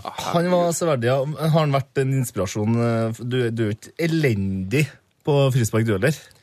Nei, vi skyter vel litt, eh, litt forskjellig, skal jeg si. Men eh, det var jo en periode der det var populært uh, å bare ta rennafart og mokte ballen så hardt du klarer, sånn som han gjorde. Uh, Han, det var det som var så bra med han, at han fikk det altså Det så ikke ut som han var på lykke framme heller. Altså, det var, for han traff så ofte en uh, periode der. ja, nei, det, han hadde et fantastisk rent, eh, rent tilslag. Altså, altså det, folk husker jo den der skåringa i prøve-VM mot Frankrike i, i 97, men han hadde så mange der han bare mokker til, og ballen går rett fram, i, ofte opp i krysset. liksom. Det, Han har også skåra på corner. Ja, Man hadde skåra fra cornerflagget i spill. Ja, The Impossible Goal. Ja, ja. Herregud, det der har jeg sett en reportasje om på Discovery eller noe sånt, om at det er nesten, altså det er nesten matematisk umulig å skåre der. For det er så mye krefter i kroppen som vil ut av, av banen at det skal ikke være mulig å skru den inn. Ja, nei, for han springer jo alt han klarer, rett fram, ut av, eh, skal si, ut av anlegget mot cornerflagget. Og, og mokke ballen i en voldsom skru som går i lengste vinkel. Det, det tror jeg kanskje er noe av de mer vanvittige skåringene jeg har sett. Ja, det, det må da, det må da google hvis ikke dere har sett det. Ja, gjør det. Gå på YouTube. Ja. Impossible Goal. Fint. Eh, Skal vi se på midtbanen, da. Her har vi litt eh, sammensatt. Vi har jo min første skikkelige eh, barndomshelt, eh, Mark Overmars, på venstre midtbane. Laget for øvrig satt opp i en 4-4-2. Ja. Eh, han var rett og slett Han Jeg tok til tårene da han ble, eh, han ble solgt til Barcelona. Eh, eh, nesten så jeg frykta at kjærligheten min for Arsenal kom til å dabbe av, for så, så glad var jeg i Mark Overmars. Men det gjorde han ja, heldigvis ikke. Det var, min første tur jeg var med på farsan til England som åtteåring, så var vi og så en B-kamp for Arsenal. ja. Da til alt overmål så kom Mark Ormore og satte seg rett og slett ved sida av meg og så, jeg, skulle se B-kamp han. Så da fikk jeg tatt bilde med han og hilsa, så det var vanvittig kult. Da. Altså, verdens Nei, kjappeste spiller eh, satt ved siden av deg. Ja, det var Jeg trodde jo ikke mine egne øyne. Han, eh, han på hva var det, Barnet stadion kom og satte seg ned oppå meg. Det var, det var stort for en eh, åtteåring. Barnet, ja. Det var dit jeg skulle sist jeg var i London, men ble sittende fast i tuben. Ja, det er den med høydeforskjellen. Underhill, er det det? heter? Ja, riktig. Den er rå. Ja, det, det er en del kule stadioner i England. Altså. Det Har du vært på mye snålt? Mye snålt. Uh, Altså under Premier League-nivå, da? ikke så fryktelig mye. Jeg har vært på en del i Premier League. Jeg har vært på Reebok Stadium og sett eh, Arsenal vinne 1-0, og legenden Christoffer Vree skårer. Nei, fikk du med deg det? det Yes. han skåret ikke så mange. Nei, han gjorde ikke. Han eh, prikka inn en matchunderskåring der, da. Det, Fantastisk. På Rebook Stadium, ja, det husker jeg digga da jeg var liten. så Så det var jo egentlig en Jeg tror det var samme turen. Jeg var åtte år. Jeg fikk fryktelig mye ut av den turen. Jeg traff Mark Overmars. Eh, fikk, jeg var, så, Bolten borte. Jeg tok buss oppover. Det er jo, ligger jo en litt, nord, par mil nordafor eh, Manchester. Ja. Så, Det er en- eh, det er en tur. Det er en, det er en voksen tur. Ja. Og det var en interessant opplevelse å dra på busstur med engelske fotballsupportere. For en åtteåring det var mye inntrykk som, eh, som har satt spor. Eh, I tillegg så var vi på supportershoppen på morgenen før vi skulle ta buss oppover til, til Bolten. Eh, Så hadde vist seg de skulle ta bilder til den nye supportereffektkatalogen. Og de mangla en på min størrelse, så da fikk jeg være modell for for uh, supporterbutikken til Arsenal, som ble sendt verdens, nei, ble utgitt over hele verden. Så, Jøss. Fotballtur-hattrick, eh, vil jeg det der. Har du det bildet ennå? Ja, det er mange bilder av en hel katalog. Det er jeg helt sikker på at eh, mamma, mamma har liggende en eller plassen. Å, dette må vi må få gra- gravd opp en gang. Det var veldig gøy å se. Ja, skal vi fortsette på midten her? Ja, eh, litt, kanskje litt malplassert på motsatt side. Overmars spilte jo til venstre, så har vi til høyre Zidane. Oh, nei, han er vel litt malplassert. Uh, Nei, altså han kan jo egentlig plassere hvor du vil. Han Han Fantastisk fotballspiller. Aldri har vel noen fått fotball til å se så enkelt ut. Nei. Men, VM 2006. Ja, det, Det var en semifinale der. Ja. da ser han ut uh, Han ser ut i den kamp, kampen, eller altså i hele mesterskapet. Så på en måte kan han se ut sånn som jeg kan gjøre hvis jeg trener med Kilemne. eller sånn. Altså, det, det er jo helt vanvittig at han gjør det mot eh, de beste spillerne i verden. På det aller, aller høyeste nivået. Det, Ja, men det er sånn, eh, Den her MMA-podkasten jeg var på, så snakka jo om en, eh, en som heter John Jones, som er på en måte så god. Da Eh, Og da sammenligna han med Ronaldinho, eh, men kunne jeg også sagt Zidane. fordi det, det er folk som De spiller ikke spillet, de leker med spillet. Ja. Altså, det, det, det ser ikke ut som det er noe annet enn bare veldig, veldig gøy for dem. Nei, men så ser det ut som alt de gjør, er sakte film. Ja. Mens motspillerne får vimse som en maur som bare går på den ene seige såledragninga etter den andre. liksom det, Ja, det er euforisk å se. han Ja. Ja. Nei, det er en fantastisk fotballspiller. Helland ser litt rørt ut her nå, kan jeg melde om. Jeg blir rørt sjøl, jeg. jeg. Så jeg jeg sånn anbefaler folk å gå inn på YouTube og se hva er det Best of Zidane. Eller sånn. Så har du Coldplay som uh, spiller Jeg kommer ikke på sangen i farten, men som eh, spiller bakgrunn. Det, det er et sånn emosjonelt uh, lite femminutt du får. Ja, det er et godt tips. Det er veldig godt tips. Hvem skal få æren av å spille med de her to på sidene? Ja, jeg har jo nevnt uh, Gerrard, Ja. uh, som har uh, drifta Liverpool alene nesten i et uh, lite tiår. Eh, fantastisk eh, fotballspiller. En energi og eh, både offensivt og defensivt. Liksom. Han, det er som å si, han drev dem alene, og det var, det var artig å se hvor, hvor stor innvirkning en enkelt spiller kan ha på et helt lag. Ja. Og da, som, Og det er bare det at han, han kunne ha dratt andre plasser for å oppleve mer. ja, ikke minst. Eh, han eh, Det er det du kan kalle eh, klubbspiller med stor K. Det er jo flere av dem på laget her, ser jeg. Men ja. Det er det. Virkelig den måten han holdt det gående på for et høyst middelmådig Liverpool og klarte å få sanka veldig mange trofeer. Mer trofeer enn hva det mannskapet egentlig fortjente, men han fortjente jo hvert enkelt. Ja, vi har, vi har sett opptil opp til flere episoder så har vi stått og sett på den uh, lagoppstillinga som slo eh, Milan. Eh, og da er nok Gerard Gerrard i en helt egen klasse på det Liverpool-laget. Ja, nei, det, det er helt vanvittig. Det er sterkt. Eh, Sammen med seg så får han jo en, eh, som jeg ikke kunne ha tenkt meg å spilt imot. Eh, Patrick Vieira. Ja, vi- ja, ja, ja. Det måtte komme. Ja, ja, ja. Han, han, han kunne jeg jo se kamp med, selv om jeg er United-supporter. Han var fin, ass. Ja, det er Det er jo synd at det er de gode kampene, eh, type Viera Keane, at det ikke er noe sånn skikkelig sånn eh, knokkel-hat eh, Mm. der eh, på en måte de eh, kriger i enkelte kamper. Det, det er liksom, Duellen mellom dem var nesten større enn duellen mellom Arsenal og United. Ja, det var nesten sånn at de som vant- den duellen, vant kampen. Altså det laget som hadde vinneren av den duellen på sitt lag, vant kampen. Ja. Eh, helt fantastisk fotballag. Det sier jo selv, hvis du har lest selvbiografien til Zlatan, så er det det er ikke ofte Zlatan er litt sånn skolegutt når han eh, hilser på folk, eh, eller har den der eh, respekten med en gang, men han sa at Viera hadde den autoriteten at der var det bare å mm, inn, si, tilpasse seg. Mm, Nydelig. Eh, Så er vi på topp, da. Spissene. Ja. eh, bak spissen, da. Vi er litt sånn Så nevnte Ronaldinho. Nevnte Ronaldinho, ja. Det var vel ikke mange i eh, fotballinteresserte som ikke så Barcelona da Ronaldinho var på topp, for å se akkurat Ronaldinho. Han er gud bedre for et eh, maksnivå han hadde en stund her. Det var Det var, det var pur underholdning. Altså, Det å være så god og samtidig virke som det eneste du tenker på, at alle som ser på meg nå, eh, og laget mitt, skal få 100% av de 90 minutterne her. Ja, og det, si, det spekteret han hadde å by på, det var liksom ikke Hvis du tar det, den delen av han ut av kampen, så er han vekk, liksom. Da bare gjorde han noe helt annet. Han, han ja, tofota, han kunne gå begge veier. Han var sterk som en bjørn. Rask. Altså, ja, nei, han, Blid. ja, ikke minst.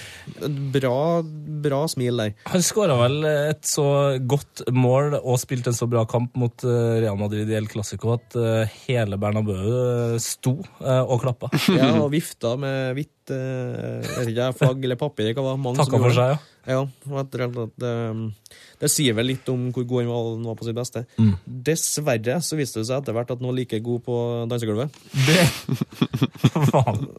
Så eh, vi kunne ha fått mer glede av Ronaldinho, men da han var på topp, så eh, Jeg vet ikke om verden har sett et høyere maksnivå til en fotballspiller.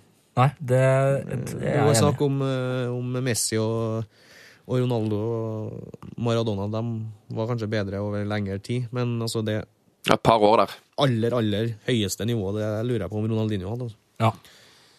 Eh, med seg, så eh, Nei, ja, ja, ja. Nå er det vanskelig her. Nei, du, det her tenker jeg Jeg tenker at det her er helt åpenbart. Tanta mi har tatt bilde med han fyren her. Ja, altså det, Kan ikke være noen andre, altså.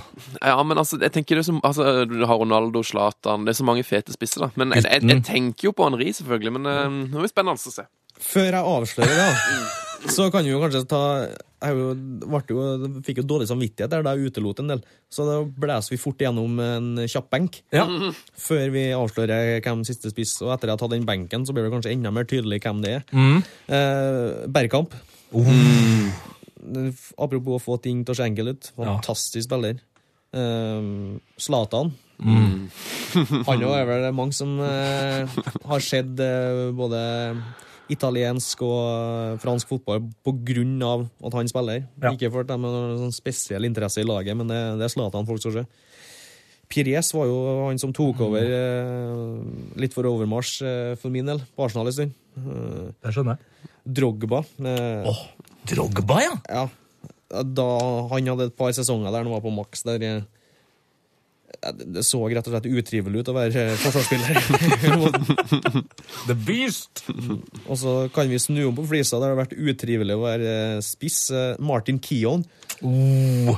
Altså, det var kanskje noe av det styggeste som har vært fo på fotballbane, men jeg skal innrømme at jeg syns det er litt kostelig den dag i dag. Det var da Van Nistelrooy bommer Ja, på straffe på stryk han opp i trynet der. Ja, og kommer og hopper bak en og legger armene litt sånn hardt over eh, nakken til en og For han hadde filma på eh, hva var Viera rødt kort eh, ti Rett minutter før. Ja. Så eh, han, han, Kian han, han tok rett og slett ingen fanger.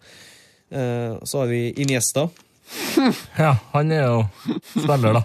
Ja. Eh, han det ser jo veldig enkelt ut når den lille spirrevippen der for å dra tofotsfinter og snurrer og vender rundt seg. Det, Slår gjennom en trefferledd og ja. Ja. Så, Fireleddspassinger. Ja, ja. Fireleddspassing. eh, så litt bevisst altså, egentlig tatt med en, en, en tropp uten Messi og Ronaldo. Det er for eh, Like greit. Ja, litt, egentlig bare for å være litt annerledes. For at det er ikke noen tvil om at de forsvarer en plass på ethvert lag. Altså, det er sikkert bedre stemning òg, tenker jeg. Ja, ja. At de slipper å spille sammen. Ja, ja, det er, laget her er det fryktelig god stemning på. ja. Så har vi en reservekeeper i David Seaman. Oi! Manken! Manken og barten, ikke minst. Det, Ikke minst Morten. Det setter en, en trønder setter pris på en eh, god mustasje, og det, det hadde, hadde Simen.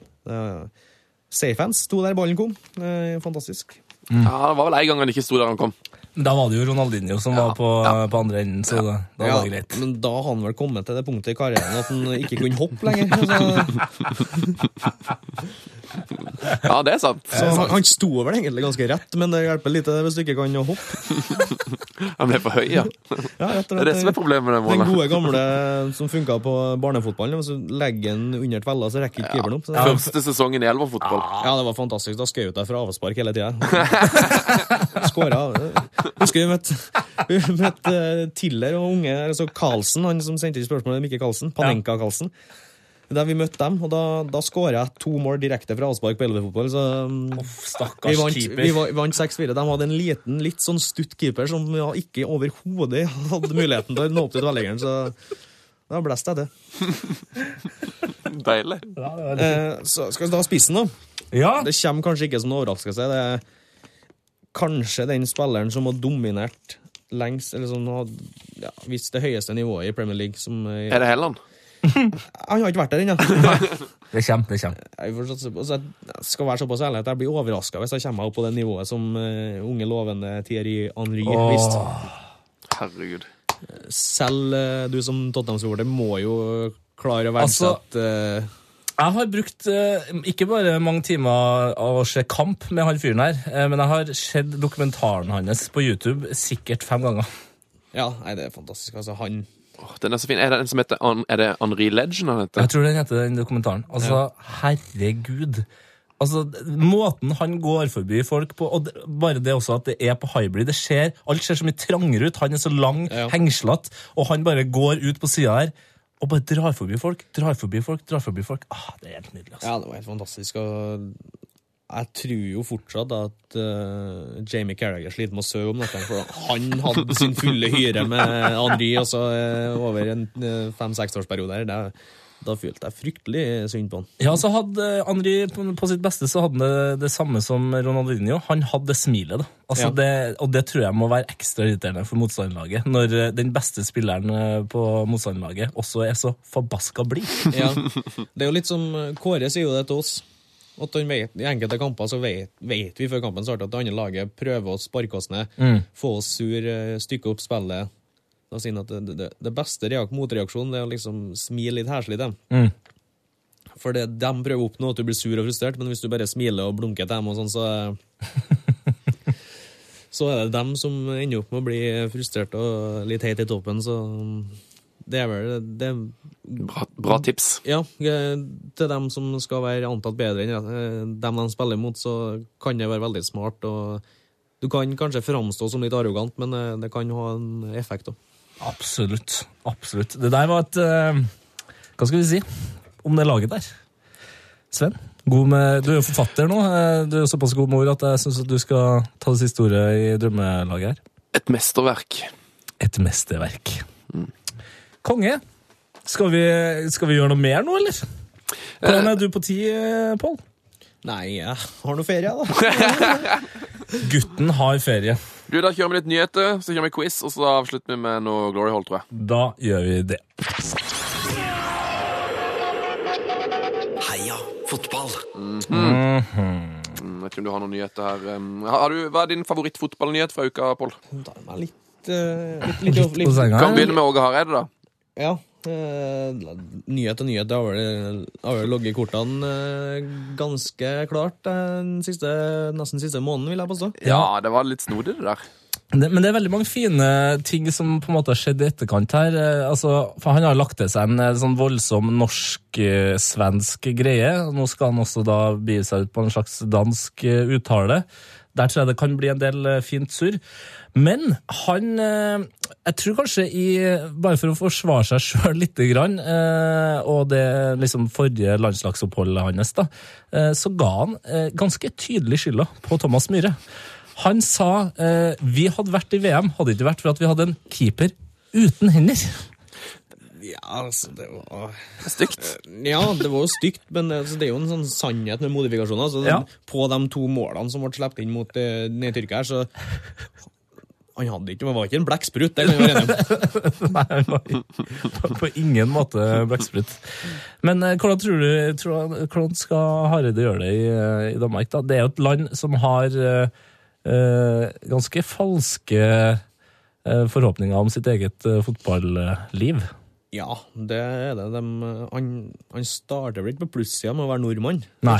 men han har jo visst at med Malmö at han har fått til, fått til ting, eh, store ting med dem, spesielt uh, ta dem til Champions League. Mm. To år på rad som er en veldig stor prestasjon. Så det kan bli spennende. Jeg tror egentlig at eh, Jeg så eh, Danmark mot eh, Sverige i den playoff-kampen, og tror kanskje at det kan være godt med litt, eh, litt nye tanker der. Litt eh, mer direkte eh, stil eh, på, på siste tredje. Ja, og så har vi samtidig så har du Hareide, som kanskje som er nordmann, som kan sette pris på et par dansker vi har eh, i Tippeligaen, og ikke minst. Mike! Mike! Der har du et veldig godt poeng. Fy faen, hvor god har han egentlig vært uh, den sesongen her? Nei, han er en fantastisk god fotballspiller. Det, det er, han er, det, det, er, det er utrolig lett å spille med. Altså, på høyresida med, med meg, han og Jonas er det deilig. Det er sånn, En god når, treer. det, når det funker, liksom, da, Ja. er det, da får jeg så mye gode baller å jobbe med at det, ja, det er utrolig. Så et lag som, der han ikke er i, i troppen engang på, på landslaget, så de bør jo egentlig være til EM. Ja. Men eh, den gang ei. Men eh, altså, Danmark trenger, og AG trenger ikke å stresse. Det, sist gang de eh, vant EM, så var de jo ikke medaljer fra start, så det er bare å håpe at noen blir pælma ut der. Ja, jeg sitter jo fortsatt og venter på at Ungarn skal bli diska, så, Ja, ikke sant? Så at vi kommer inn og eh, nesten er storfavoritt. Sånn det skal være. Er sånn skal være. Eh, Har du noen nyheter, du, gutt? Eh, Naismith spanderer julebord igjen. Ja. Everton-spissen spanderer julebord på eh, hjemløse. Veldig koselig liten sak. Um, den, eh, de norske Tottenham-supporterne kjøpte jo eh, 100 billetter til vanskeligstilte som bor rett ved White Hart Lane eh, til kampen i går. De fikk jo seg god underholdning, tre Lamela-mål og topp stemning. Så det er fint. Ja, det er veldig bra at folk eh, gjør Rosenborg mye sånt eh, i, i jula? Ja, vi gjør veldig mye sånn eh, Altså, i jula så er vi jo all over the place hele gjengen. Men uh, ellers i året så har vi har to fantastiske besøk nede på barneklinikken på St. Olavs. Ja, du, der var jeg faktisk eh, innom når dere var der. Ja. Jeg var på besøk nå på sykehuset, og der var det helt rått. For det var liksom pizza og PlayStation og fotballspilling inne i aulaen der. Ja, det er veldig godt. Det er artig å se hvor glad de blir, bare for det liksom å, å møte oss. Så det er utrolig givende. Så har vi jo fått eh, unge Vi har fått en veldig sindig og hyggelig islending på laget. Ja. Som eh, donerte vekk eh, gullmedaljen sin. Og når alt endte opp etter sluttprosessen her, så endte opp eh, barneklinikken med å både få de 60 000 som ble gitt for medaljen, samt å få medaljen, så Dæven. Det ja. er vel ganske kult å henge opp der. Eh, Ungene ser eh, en, en gullmedalje i Tippeligaen. Så Ja, det er jo helt nydelig. Altså, mye sånn uh, foretak ellers. Men det, det er viktig synes jeg, at fotballspillere bruker, bruker, er bevisst på rollen sin, og at du kan bruke det til noe positivt. For det, det skal ikke mye til for å glede, glede andre. Ja, kanskje, Men inspirerer det på en måte også litt? Er det sånn, bare den følelsen at man blir satt pris på Er det så mye pris på? Ja, så absolutt. Du, du husker jo sjøl da du var unggutt, hvor mye du Bare det å få møte eh, heltene dine, bare Mm. få en autograf. Ja. Ta, nå er jo eh, mobilgenerasjonen, så det å få ta en selfie med eller ta bilde av dem, du ser hvor glad de blir. Det, mm. det er viktig å være bevisst på Altså Husk det hvor mye det betydde for deg da du var ung, at du liksom tar deg det ekstra fem minutter, kanskje selv om du er litt sliten. Så det betyr så veldig mye. Ja. Skal vi gå til breddefotballen, Tete, eller åssen er det i dag? Ja, så du ville bare hoppe, hoppe over at United rykket av Champions League? Jeg tenkte det. At uh, Jeg tenkte det. Ja, nå, eh, Helland har noe han skulle ha sagt der. Ja, jeg så jo en litt interessant nyhet om eh, altså, uh, Etter at United røyket mot eh, Wolfsburg, så hadde jo hadde blitt klaga på temperaturen i garderoben eh, til United. Det Og var, derfor de fikk strekk? Ja, De mente at uh, Wolfsburg hadde skrudd opp temperaturen så at det var for varmt i garderoben. Det må være en bra ting, tenker jeg. At det er varmt. I hvert fall for kroppen uh, sin del. Ja, det er vel bedre det enn andre veien, som eh, det kan Det kan man ikke skylde på. Det, er der, det må man bare gi seg, tenker jeg. Ja, altså det Hvis det er der problemet ligger, så tror jeg det stikker dypere enn sånn. Så, så Ja, så syns jeg så en sånn greie om at uh, Moyes brukte vel en ja, skal vi si en 500 mil, kom seg ut av gruppespillet, mens uh, nå Fangal har brukt uh, 2,5 milliard. ja, Sunne. United-supporteren. Ja, nei, jeg syns um, van Gaal gjør mye feil, jeg. Skal ikke si imot det. Men uh, som sagt, jeg syns det var gøy de angrep litt uh, mot Wolfsburg. Og så er det jo, det må jo sies, det er ikke så lett å gå videre når alle forsvarsspillerne er skada. Du sa han eh, Varela der var jo var Bambi på glattisen en liten periode der. Ja. Nei, det er sant. Nei, det Nei. Stakkars United. Eh, og Ikke så synd på oss, da. Nei da. Det er kanskje mer synd på Monk, Ja, det syns jeg. som bare har blitt ferdig av Swansea. Så ut som uh, det, hele fotballverdenen var litt sånn faen for en genial fyr i september, og så var det over, gitt.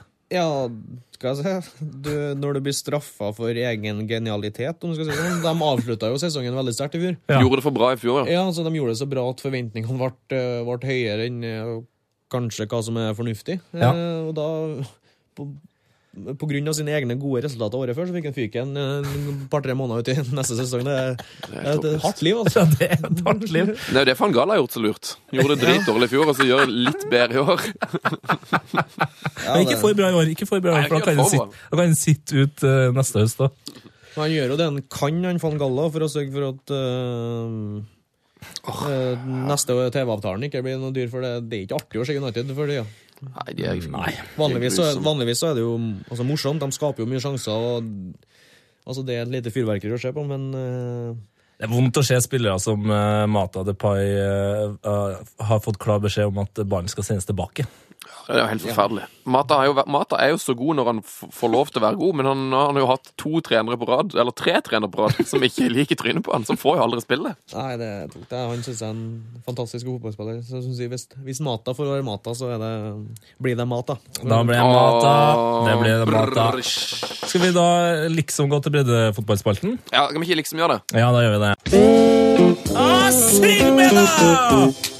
Steinkjer, Steinkjer, Steinkjer. Det er ingen som vi, som fotballag som vi. Gå nå på, så skal vi slå. Ingen kan slå SJFK.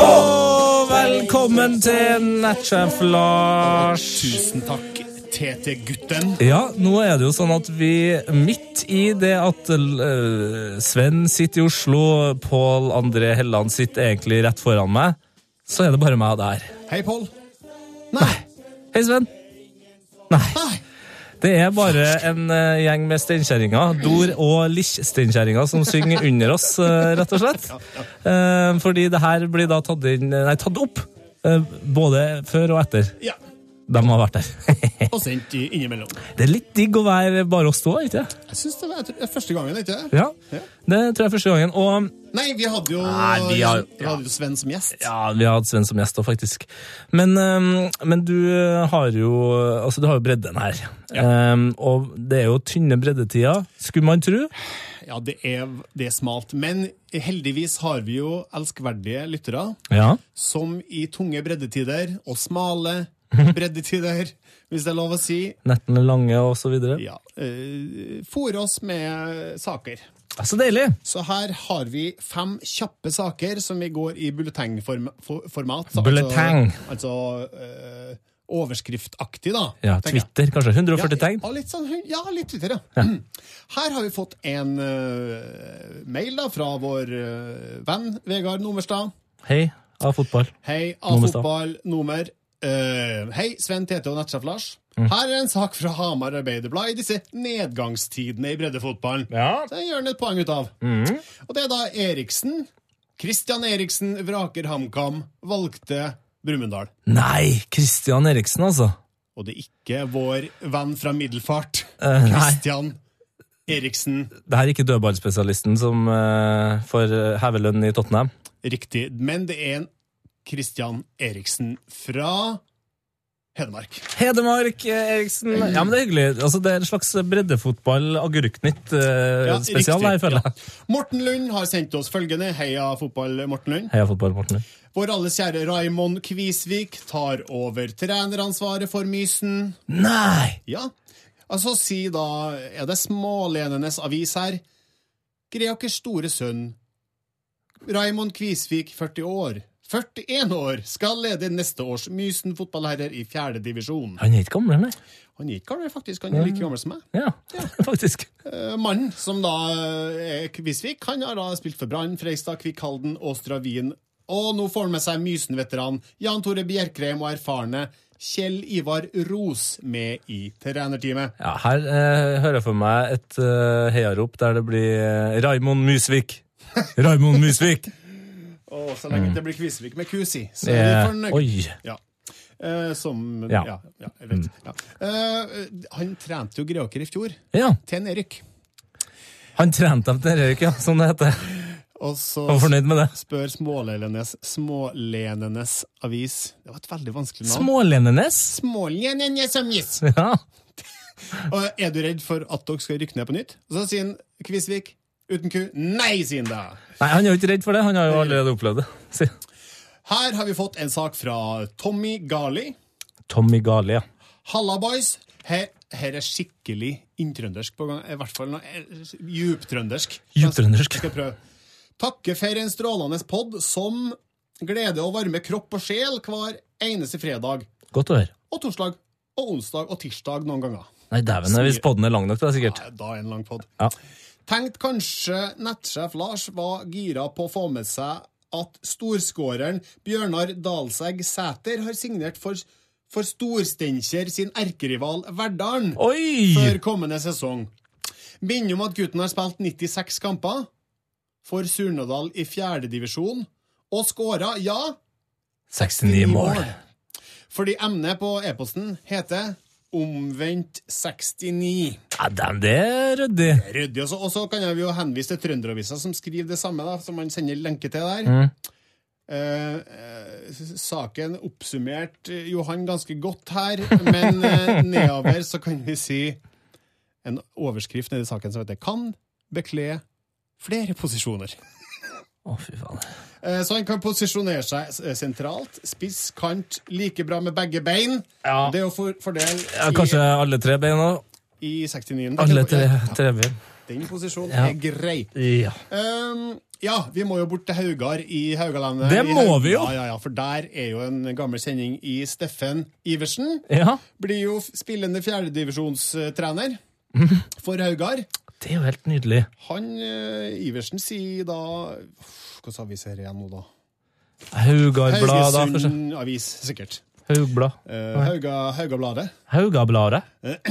Iversen ble presentert for en svært overrasket spillergruppe i Hau Haugarhallen i ettermiddag. Dette er fantastisk. Et kupp for oss, sier styreleder i Haugar, Jens Egil Vikanes. Ah, Likanes, sier en Vikanes. Iversen har fått seg kjæreste, nemlig i Haugesund, og bor nå i byen.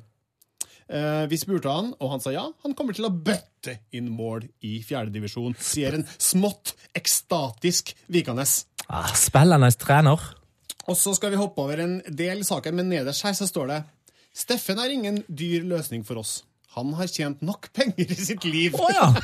Så her er det, det er ikke noe lønn. eh, Det virker kanskje ikke som det er kontrakt heller. Hvordan, ja, hvordan innsalget er det? Du, Det- du, Steffen, du som bor i byen og har tjent nok Ja. penger i ditt liv, kan, du, kan du trene oss gratis? Ja, det er litt sånn, eh, det, det, Jeg tror det er kjæresten som på en måte sitter på den kontrakten her. Riktig. Eh, var det alt, Det var faktisk alt av innsendte, men vi må eh, snakke om eh, Jeg regner med dere allerede har snakka om Discovery sin, sitt oppkjøp av Nei, uh, Det rakk vi ikke. Da tar vi litt av det i bredden. Bra. Selv om det er så ubredde som det kan, for de har jo sikra seg norsk fotball for 2,4 milliarder kroner i seks år. Fra Hvem skulle tro at ja, det? Ja. Det er mye penger, altså. Eh, men der det, Vi hopper glatt over eh, den spisse delen av det og går rett til en VG-sak der de snakker om Discovery. For en del av pakken da, som de skal presentere til mm, publikum, Ja. så er det da eh, eh, Discovery ønsker å lage en supersøndag. Et konsept de ønsker å gjennomføre seks ganger i året. Ja. Eh, Det skal starte klokka 15.00 på søndag. Der starter vi med å vise en breddekamp, Nei, dæven, seriøst? der vi finner et klassikeroppgjør fra andre til femtedivisjon. Nei! Vi skal lage et skikkelig event av det. Vi skal bygge opp med lokale innslag og samle lokale supportere. Vi skal lage et, et bredere engasjement enn hverdagsfotballen. Så alle dere der som hører på, som spiller i en av de her eh, obskure, nydelige, vakre breddeklubbene Ja, fra andre til femte. TV-tid. Ja. Nå er det sjanse det blir seks kamper i året, da, men eh, det, Nei, men gutta og jenter ute der, altså her, nå er det bare å begynne å, å få på en godsveis. Eh, kjø, kjøp deg noen gode, fine svarte sko, mener jeg, da. Eh, og ikke minst eh, Det er jo en del sponsorpenger man kan eh, få hyla inn her, da, tenker jeg. Skal du på TV, så får du, har du jo, sitter du med kortene, tenker jeg. Ja, men altså, det er jo helt nydelig. Eh, det her er en av de bedre brevene jeg har vært med på. eh, Det er kanskje bare for at det er oss to, da. Ja, det er nok sikkert det. Eh, og altså, Pål André Helland, som snart kommer inn i øret ditt igjen. eh, det er kanskje ikke greit å si, men jeg sa det likevel. Det på kanten. Ja, eh, han kommer snart, men før det så, Han var så- altså, så lenge og var så fin gjest at vi rakk eh, ikke eh, å snakke eh, nå fra Match. Ja. Bladet Match, Nei. som eh, det lover jeg at vi kommer tilbake med neste uke. Eh, Hello, den har jeg tatt opp, men jeg får ikke plass. Men jeg lover at den skal bli med neste. Da jeg ringer til Italia og snakker italiensk. Oh, jeg- gleder meg til Så det. altså. det lover jeg at skal skje, og vi rakk heller ikke post og brev. Men jeg har fått et brev som jeg tenker at jeg og du kan eh, kose oss med okay. eh, sammen med lytterne. Okay. Og det er sendt fra eh, Torkil Odnes Kløvning. En gang til, sa du. Torkil Odnes Kløvning heter den. Det er navn. Det er navn, ja. Det er bra navn. Det er navn. Eh, ikke noe i emnefeltet her, men det står Andrij Mikolajovitsj Sjevtsjenko. Sendt fra min Nokia 3210. 3210, faktisk. Andrij Mikolajovitsj Sjevsjenko. Du, går det an å sende e-post fra Nokia 3210? Ja, er du det- god nok til å hacke, Ja. tenker jeg. Det Det, er sikkert noe vapp der. jeg tipper Det er jo snart jul, og jeg tipper at det er flere enn meg som har hatt det som sin favoritt julepresang noensinne, der man sitter eh, julekvelden, første og andre juledag, og spiller Snake. Åh, Snake. Snake, skal vi synge litt, eller? Yes! Ok! Steinkjer, Steinkjer, Steinkjer. Det er ingen som vi, som fotballag som vi. Gå nå på, så skal vi slå. Ingen kan slå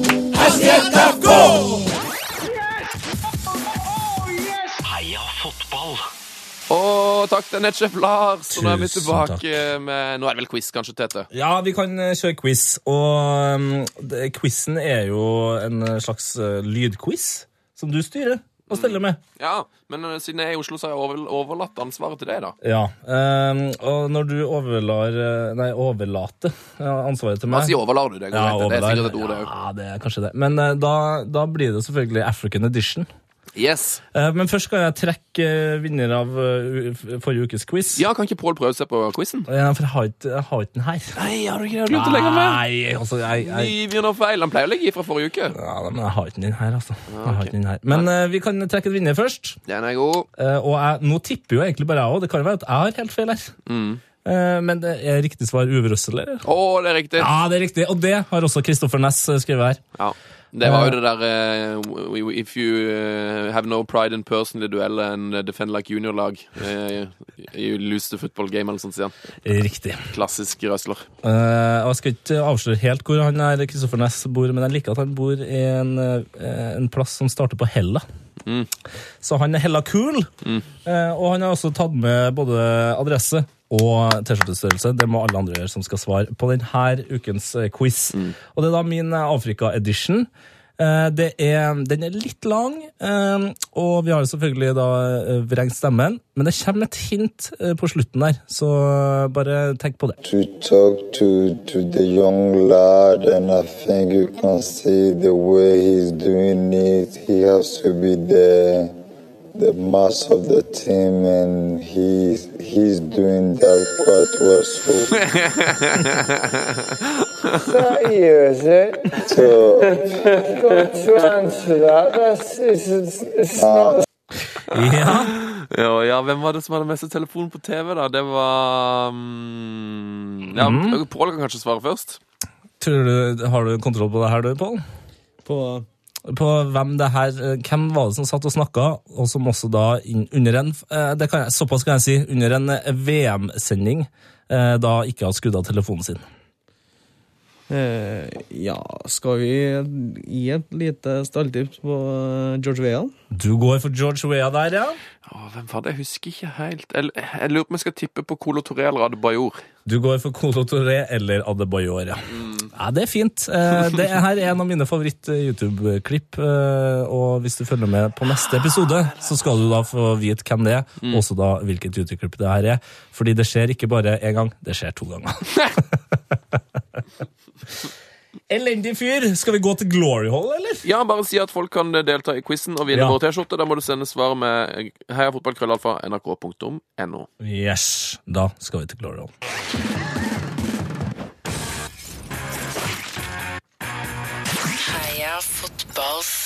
Glory hall. Oh yes.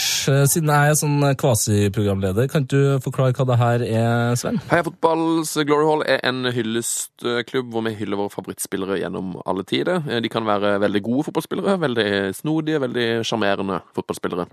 Litt eh, ymse nivå. Mm, Beste kanskje Zidane, da. Eller Ronaldinho? Ja. Eller Maradona? Ja. Dårligste kanskje Stefan Guivarch er jo der. ja eh, Tony Hibbert, Tony Lis- Lord Lislevan var jo god, liksom. Men Han var god på Kypros. Ja, ikke, så god som eh, Myggen, for eksempel. Da. Nei, Myggen var god. Og, og ikke minst Batistuta. Ja, Batistuta er vel der. Ja, Batistuta er der. Eh, Du har jo allerede hylla en del, eh, Pål. Eh, Men har du kanskje har du en sånn litt sånn rar favorittspiller? En rar forespiller. Jeg er litt fascinert over eh, Hva heter han? Carlo Roa, keeperen, argentinske keeperen. Mm.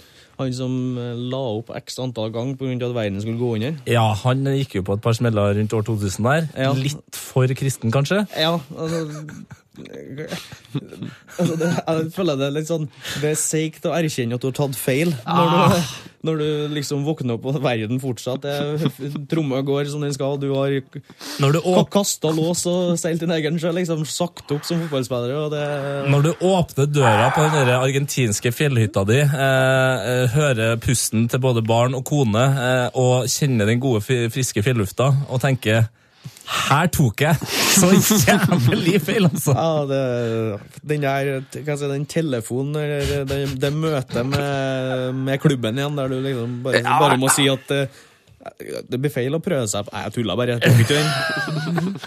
Aprilsnarr. Ja, aprilsnar, ja. Han var jo også landslagskeeper når det her eh, skjedde for Argentina. Eh, Han var jo sånn type topp ti, topp fem. Fotballkeeper på det tidspunktet der. Ja, det var vel noen som, det var folk som seriøst hevda at han var verdens beste keeper. Ja. eh, rundt er ikke rart. 98-99. Hei, det er med her. Eh, Det gikk jorda i kjønner Jeg kommer tilbake. Tungt, altså. Eh, Det er artig at eh, vi snakker om en eh, gøy keeper. eh, Fordi vi har fått eh, innsett, som vi egentlig nesten får hver uke nå, eh, en gloryroll fra en lytter. eh, Simen Rygg. Hei, Simen! Hei, hei, hei. Eh, Og han har også sendt en helt nydelig gloryroll her, som jeg skal prøve å uh, gjøre mitt beste på å framføre. Dagens helt ble født i den brasilianske byen Pato Branco den 22. januar 1973. I 1990 meldte han overgang til en av Brasils største klubber, nemlig Sao Paulo. Frem til 1997 varma han først og fremst benken, men fra 1997 og utover var det fotballhjerta han skulle varme. Han ble etter hvert klubbens kaptein, og kapteinspinnet det bærte han helt fram til 6. desember 2015. For han la både skoen og hanskene på hylla. Dagens helt var nemlig keeper, men han var alt annet enn en vanlig keeper. Året er 2005. Landet Japan, anledningen, VM i klubblag, finalen. En utrolig redning fra Steven Gerrards frispark gikk verden rundt. Sao Paulo slo Liverpool 1-0. Vår mann, kampens og turneringens beste spiller. Gutten har vunnet 20 titler med Sao Paulo. Han har 11 individuelle utmerkelser i løpet av sin 25 år lange karriere.